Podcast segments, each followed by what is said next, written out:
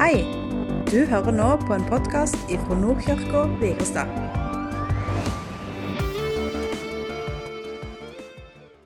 Eh, Denne helga her har vi leirer, minileirer. Forrige helg hadde vi besteleir.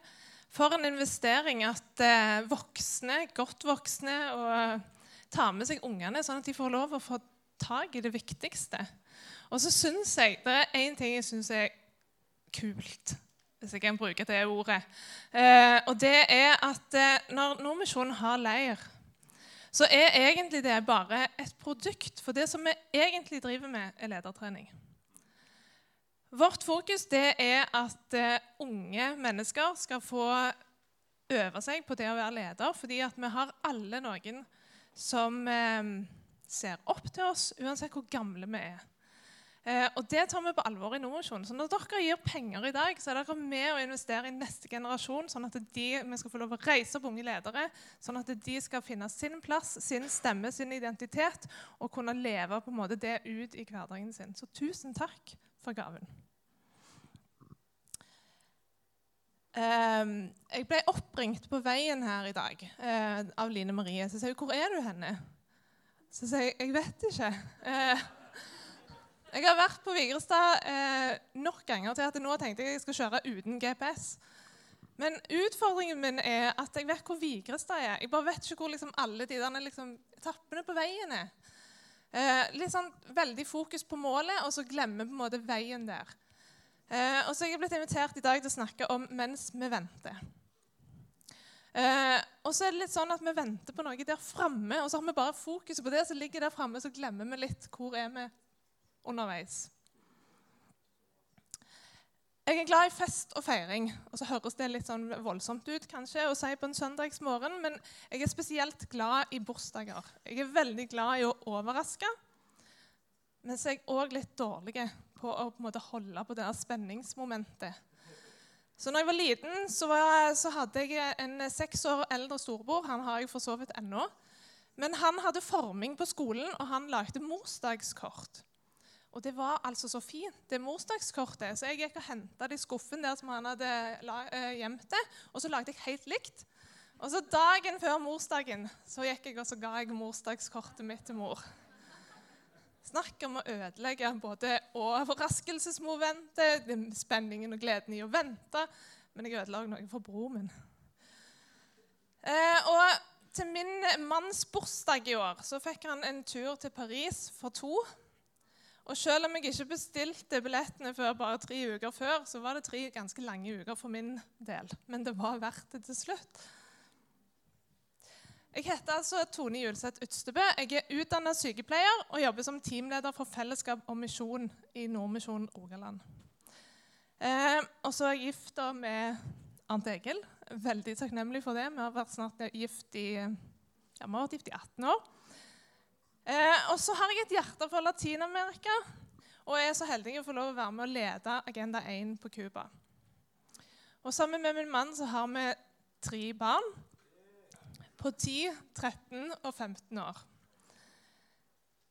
Eh, og de er heller ikke alltid så gode til å vente. De vil f.eks. ha lørdagsgodt på onsdagen. De vil ha ukelønna før pliktene er gjort. Men alt har sin tid. Noen ganger må vi vente, og noen ganger bør vi vente. Og det skal vi snakke om i dag. Lars Saabye Christensen han sier at den som venter, får se. Men det er ikke alltid han får se det han venter. Og så tror jeg at eh, når vi, når vi, leser Bibelen, så kan vi se at folk har i alle år venta. Etter arken så begynte folk igjen å falle i synd. De var ulydige mot Gud. De var rastløse og de begynte å tvile på Guds plan. Og De ble så lei av å vente at de begynte å legge sine egne planer for hvordan de kunne komme til himmelen. Så bygger de Babels tårn. Jeg tror at vi mennesker alltid har venta på Gud, men vi forstår oss ikke på hans timing. Og så tar vi saken i egne hender. Vi venter, leter etter løsninger, og så går vi på trynet i forsøket når vi prøver å løse det sjøl. Guds plan var ikke Babels tårn, sånn som vi leser om i første Mosebok 11.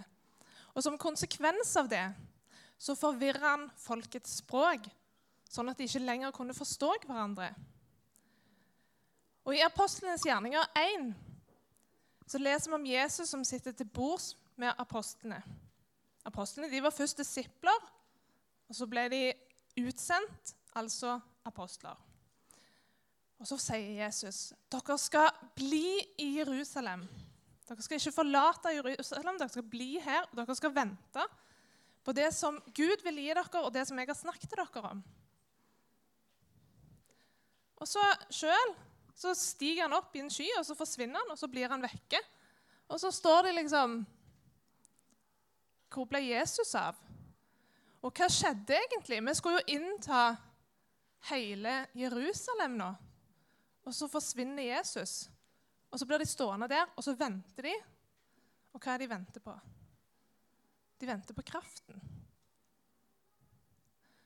Og så vet vi at kraften den kommer i form av ildtunger. Den hellige ånd som kommer over dem.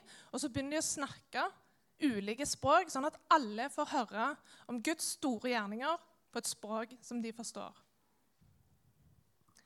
Mens vi venter er temaet for våren, har jeg hørt. Min eldste mann på 15 år han går siste år på ungdomsskolen og er ferdig med eksamener. og Denne uka her kom han opp i norsk muntlig. Så Litt preget av å ha hjulpet han, så har jeg da gått eh, løs på forberedelsen til denne talen.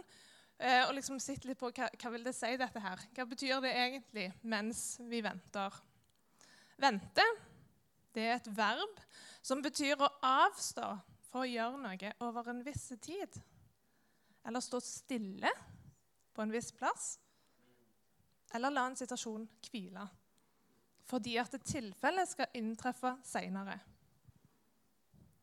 Ordet 'mens' er en subjunksjon. Og det har jeg da lært at det starter en leddsetning. Det betyr at mens vi venter, ikke er en fullstendig setning men at det kommer noe mer. Ordet 'mens' betyr 'samtidig som', Så må jeg signifisere at det, det, kommer noe mer. Det er noe mer her enn bare venting. Og 'vi' er et personlig pronomen. Vi, eller oss, som er objektsform, er første person flertall. Jeg er snart ferdig med norsktimen. Bare hold ut. Så mens vi venter det angår oss alle. Det er ikke noe som du eller jeg alene venter på. Det er flertall. Det er vi, oss, sammen i fellesskap. Og så tror jeg at vi alle har egne assosiasjoner og erfaringer om hva det vil si å vente. Vente på, glede seg til. Det kan stå både i sammenheng og i motsetning til hverandre. Det kan skape både frustrasjon og positiv forventning. Hvem er, vi, som venter? Og hva eller hvem venter vi på?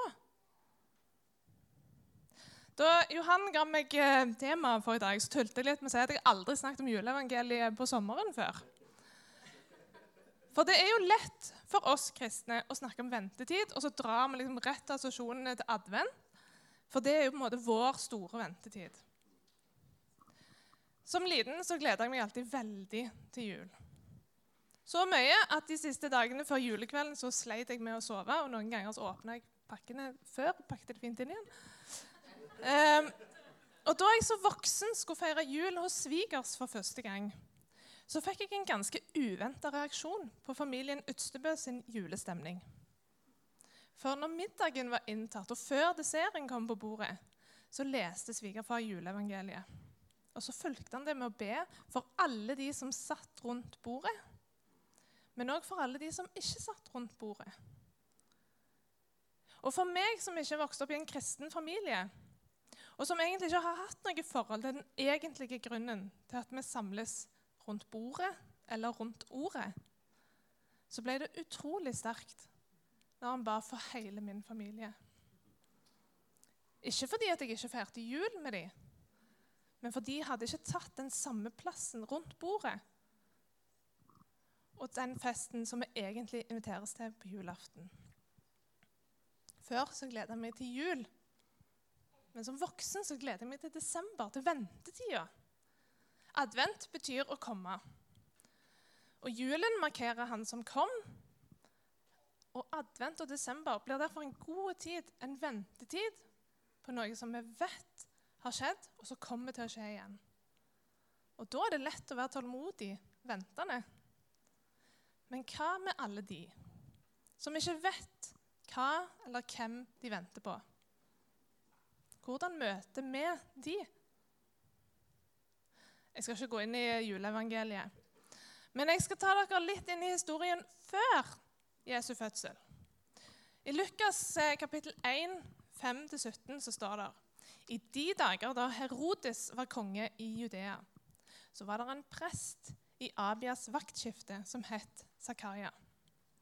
Hans kone var òg av Arons ett og het Elisabeth. Begge var rettferdige for Gud og levde uklanderlig etter alle Herrens bud og forskrifter. Men de var barnløse, for Elisabeth kunne ikke få barn.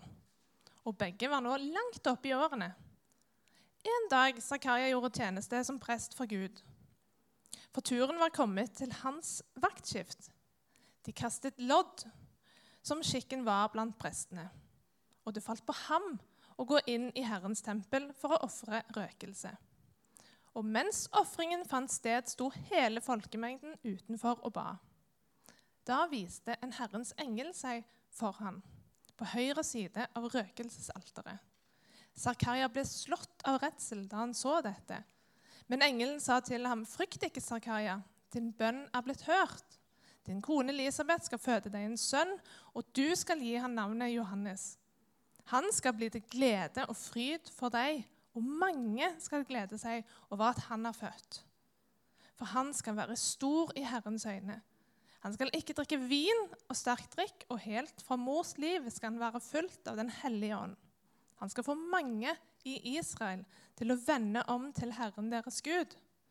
Han skal gå i forveien for Herren med samme ånd og kraft som Elia, for å vende fedrenes hjerter til barna og gi ulydige sinn det sinn som rettferdige har, for å gjøre i stand for Herren et vel forberedt folk.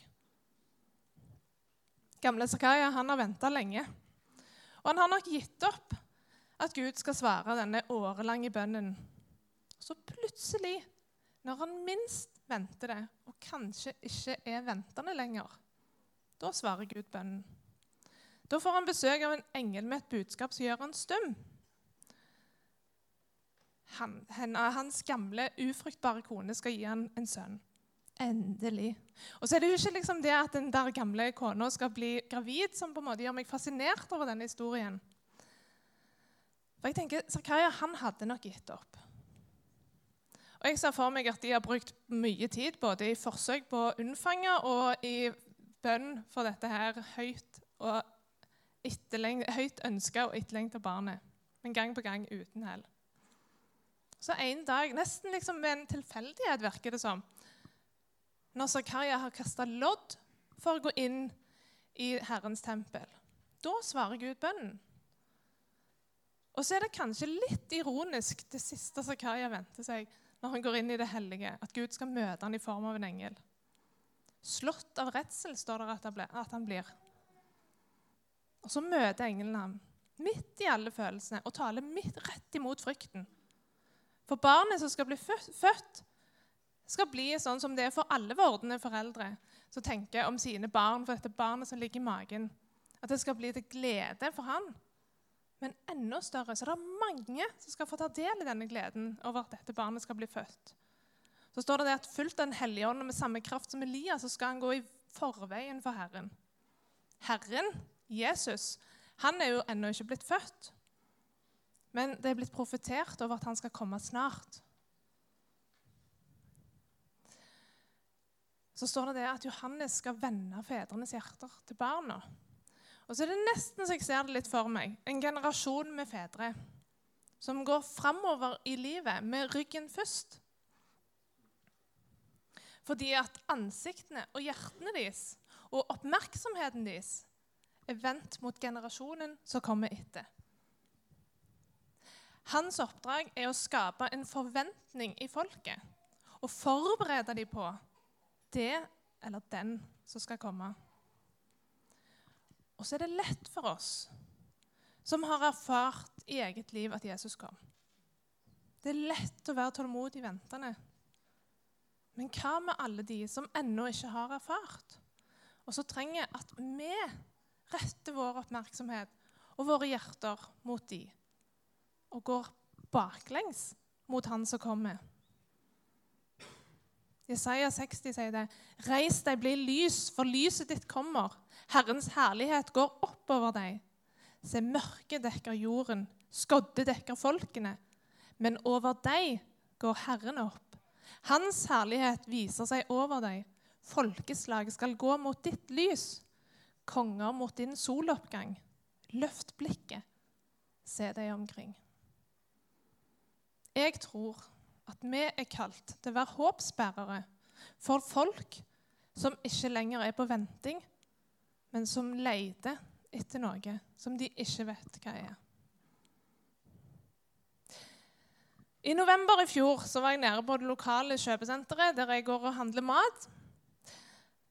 Og Da hadde det vært pynta til jul ganske lenge allerede.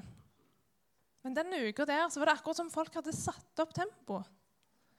For det som en gang var Black Friday, det var blitt til både én og flere svarte uker. Som minnet folk om å starte kjøpefesten. Og vi mennesker vi er jo redde for å gå glipp av et godt eh, tilbud, så det, det farten var liksom satt opp. Og da var da det slo meg at når jeg som liten gleda meg til jul, så hadde jeg begynt mer og mer som voksen å glede meg til advent, til ventetida. Og så ser jeg rundt meg, og så ser jeg mennesker som ikke venter, men som febrilsk leter. Så sier jeg, Herrens Guds ånd er over meg. For Herren har salvet meg. Han har sendt meg for å forkynne et godt budskap for hjelpeløse. For å forbinde dem som har et knust hjerte. Rope ut frihet for dem som er i fangenskap, og frigjøring for dem som er bundet. For å rope ut et nådens år fra Herren og en hevnens dag fra vår Gud, for å trøste alle som sørger, og gi de sørgende i Sion turban i stedet for aske, gledens olje i stedet for sorg, lovsangstrakt i stedet for motløs ånd. Mens vi venter, hva gjør du da? Og så er det to gode metaforer for dagens tema. Det er venterommet, og så er det startstreken. På venterommet har du lagt alt annet til side for en helt spesiell avtale som du må vente på. Og mens du venter, hva gjør du da? Stirrer du ut i lufta? Blar i et ukeblad som gikk ut på dato for tre år siden? Sveiper du på mobilen? Eller er du en av de som er litt sånn plagsomme og prater med de andre? Hva du venter på? Samtidig som du venter, og uansett hvordan du bruker ventetida, så er du òg i beredskap. For når navnet ditt ropes opp, da er ventingen over. Og da må du respondere ved å reise deg opp og så følge instruksene. På startstreken der er det ganske lite rom for å gjøre noe annet mens du venter. For her er det fullt fokus på å klargjøre kroppen for det som skal skje. De profesjonelle løperne de har jo sånne klosser så de står i litt sånn En aktiv, passiv posisjon som forbereder og gir kroppen et bedre utgangspunkt for når signalet blåses og ventetiden er over. Hvordan ser ventetid ut? Og hvordan inntar vi aktiv-passiv posisjon? For noen år tilbake så hadde jeg, en, hadde jeg vært i um, venting i en spesiell situasjon. Og så fikk jeg et slags sånn klarsignal om å innta posisjon for å aktivt gå i venting. Og i bønn så fikk jeg stadig et bilde som jeg vendte tilbake til, av en vingård. Det var en kjempediger vingård. Og det var et stort, rødt gårdshus i murstein midt på gården. Og så var det store trær som omkransa hele eiendommen. Og så var det mange små, sånne snirklete, grusbelagte stier som førte fram til deilige skygge, skyggebelagte skjulesteder. Men det som fanga øyet mitt, var vindruerankene som strakte seg så langt øyet kunne se. Og I tankene mine så vendte jeg stadig tilbake til dette bildet av vingården. Og bare i tankene mine så ble det som et tilfluktssted. Et sted der jeg søkte ro, refleksjon, hvor jeg fant håp, og hvor det skaptes forventning til det som skulle skje. For druene var ikke modne. Solen var varme, og den svale vinden kunne gjøre godt mot huden. Men det var fortsatt ventetid. Tid for pleie. Møysommelig og varsomt arbeid mellom druerankene. Og I tankene så siktet jeg innom progresjonen og kjente en forventning over de ørsmå forandringene som vokste fram, og som ga håp om en stor og moden høst. Så tenker vi gjerne på eh, Johannes kapittel 15, der det står om han som er det samme vintreet, og om faren som er vinbonden. Der beskrives òg det møysommelige arbeidet, samtidig som han er krystallklar på at vintreet har en funksjon å bære frukt. Og Vinbonden passer på at alt ligger til rette for at hver grein på vintreet skal fylle sin funksjon. Skal vi gå tilbake litt i Lukasevangeliet og til Johannes. Til Lukas 7 så står det, det at Johannes fikk høre om alt dette gjennom disiplene sine. Han kalte to av, to av dem eh, til seg og sendte dem til Herren for å spørre. Er du den som skal komme, eller skal vi vente en annen? Da mennene kom til Jesus, sa de, 'Døperen Johannes har sendt oss til deg og spør:" 'Er du den som skal komme, eller skal vi vente en annen?' Nettopp da helbredet Jesus mange for sykdommer og plager og onde ånder, og han ga mange blinde synet. Og han svarte dem, 'Gå og fortell Johannes hva dere har sett og hørt.' Blinde ser, lamme går, spedalske renses, døve hører, døde står opp, og evangeliet forkynnes for fattige, og salig er den som ikke faller fra på grunn av meg. Er du han som skal komme, eller skal vi vente en annen? Vi befinner oss i historien før Jesus sier at høsten er moden. Før han sender ut de tolv, før han sender ut de 72. Johannes, søskenbarnet til Jesus, han begynte sin gjerning før Jesus starta sitt oppdrag. Jesus venta helt til han var 30 år.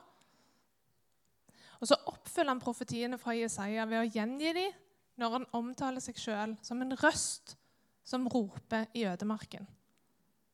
Vi kjenner Johannes som veirydderen, han som kom før Jesus for å forberede folket på, gjøre de oppmerksomme på at noe eller noen er i emning.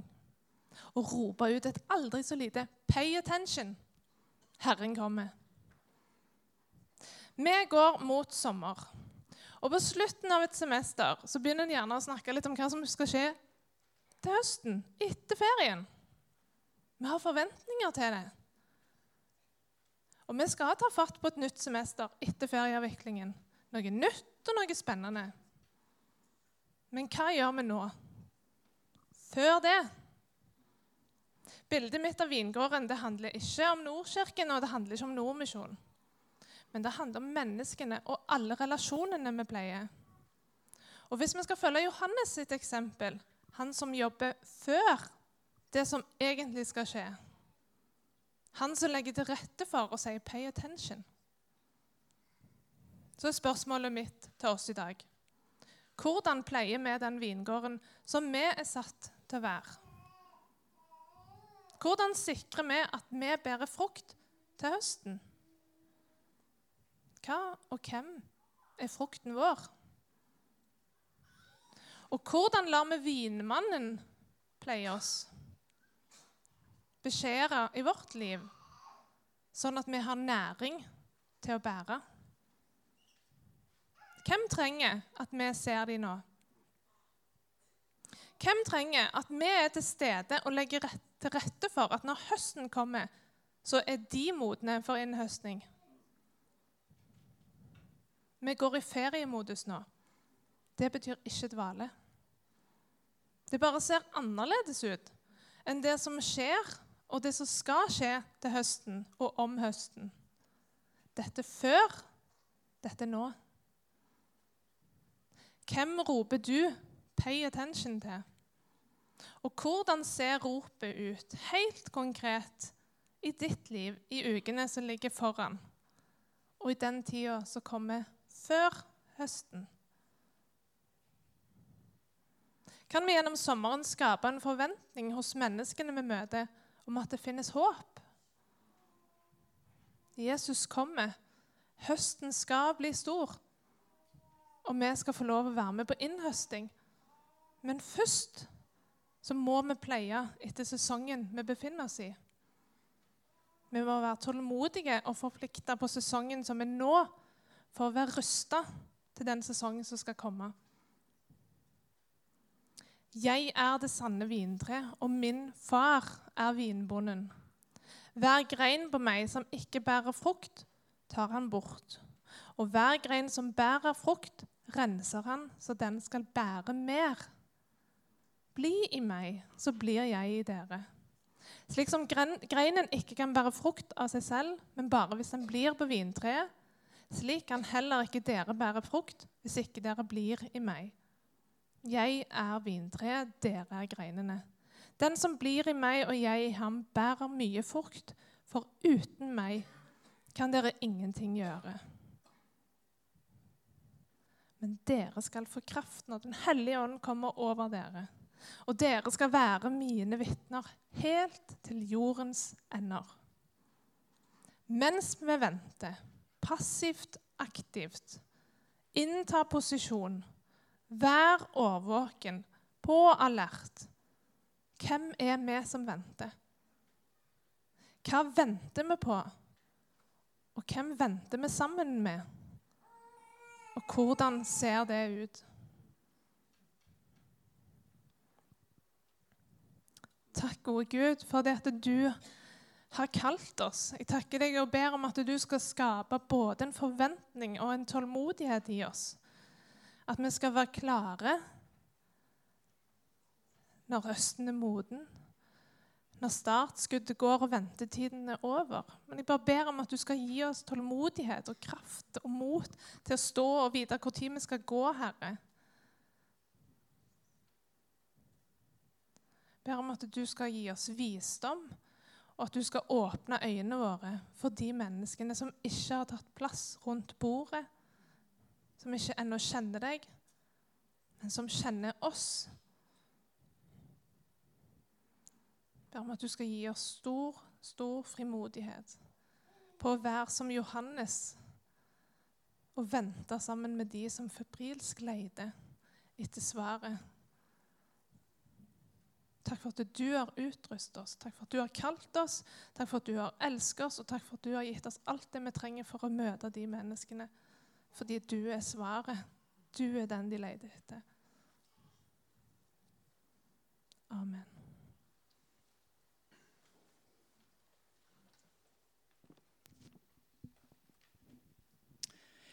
Tusen takk, Tone, for alt det du delte. Det var fantastisk.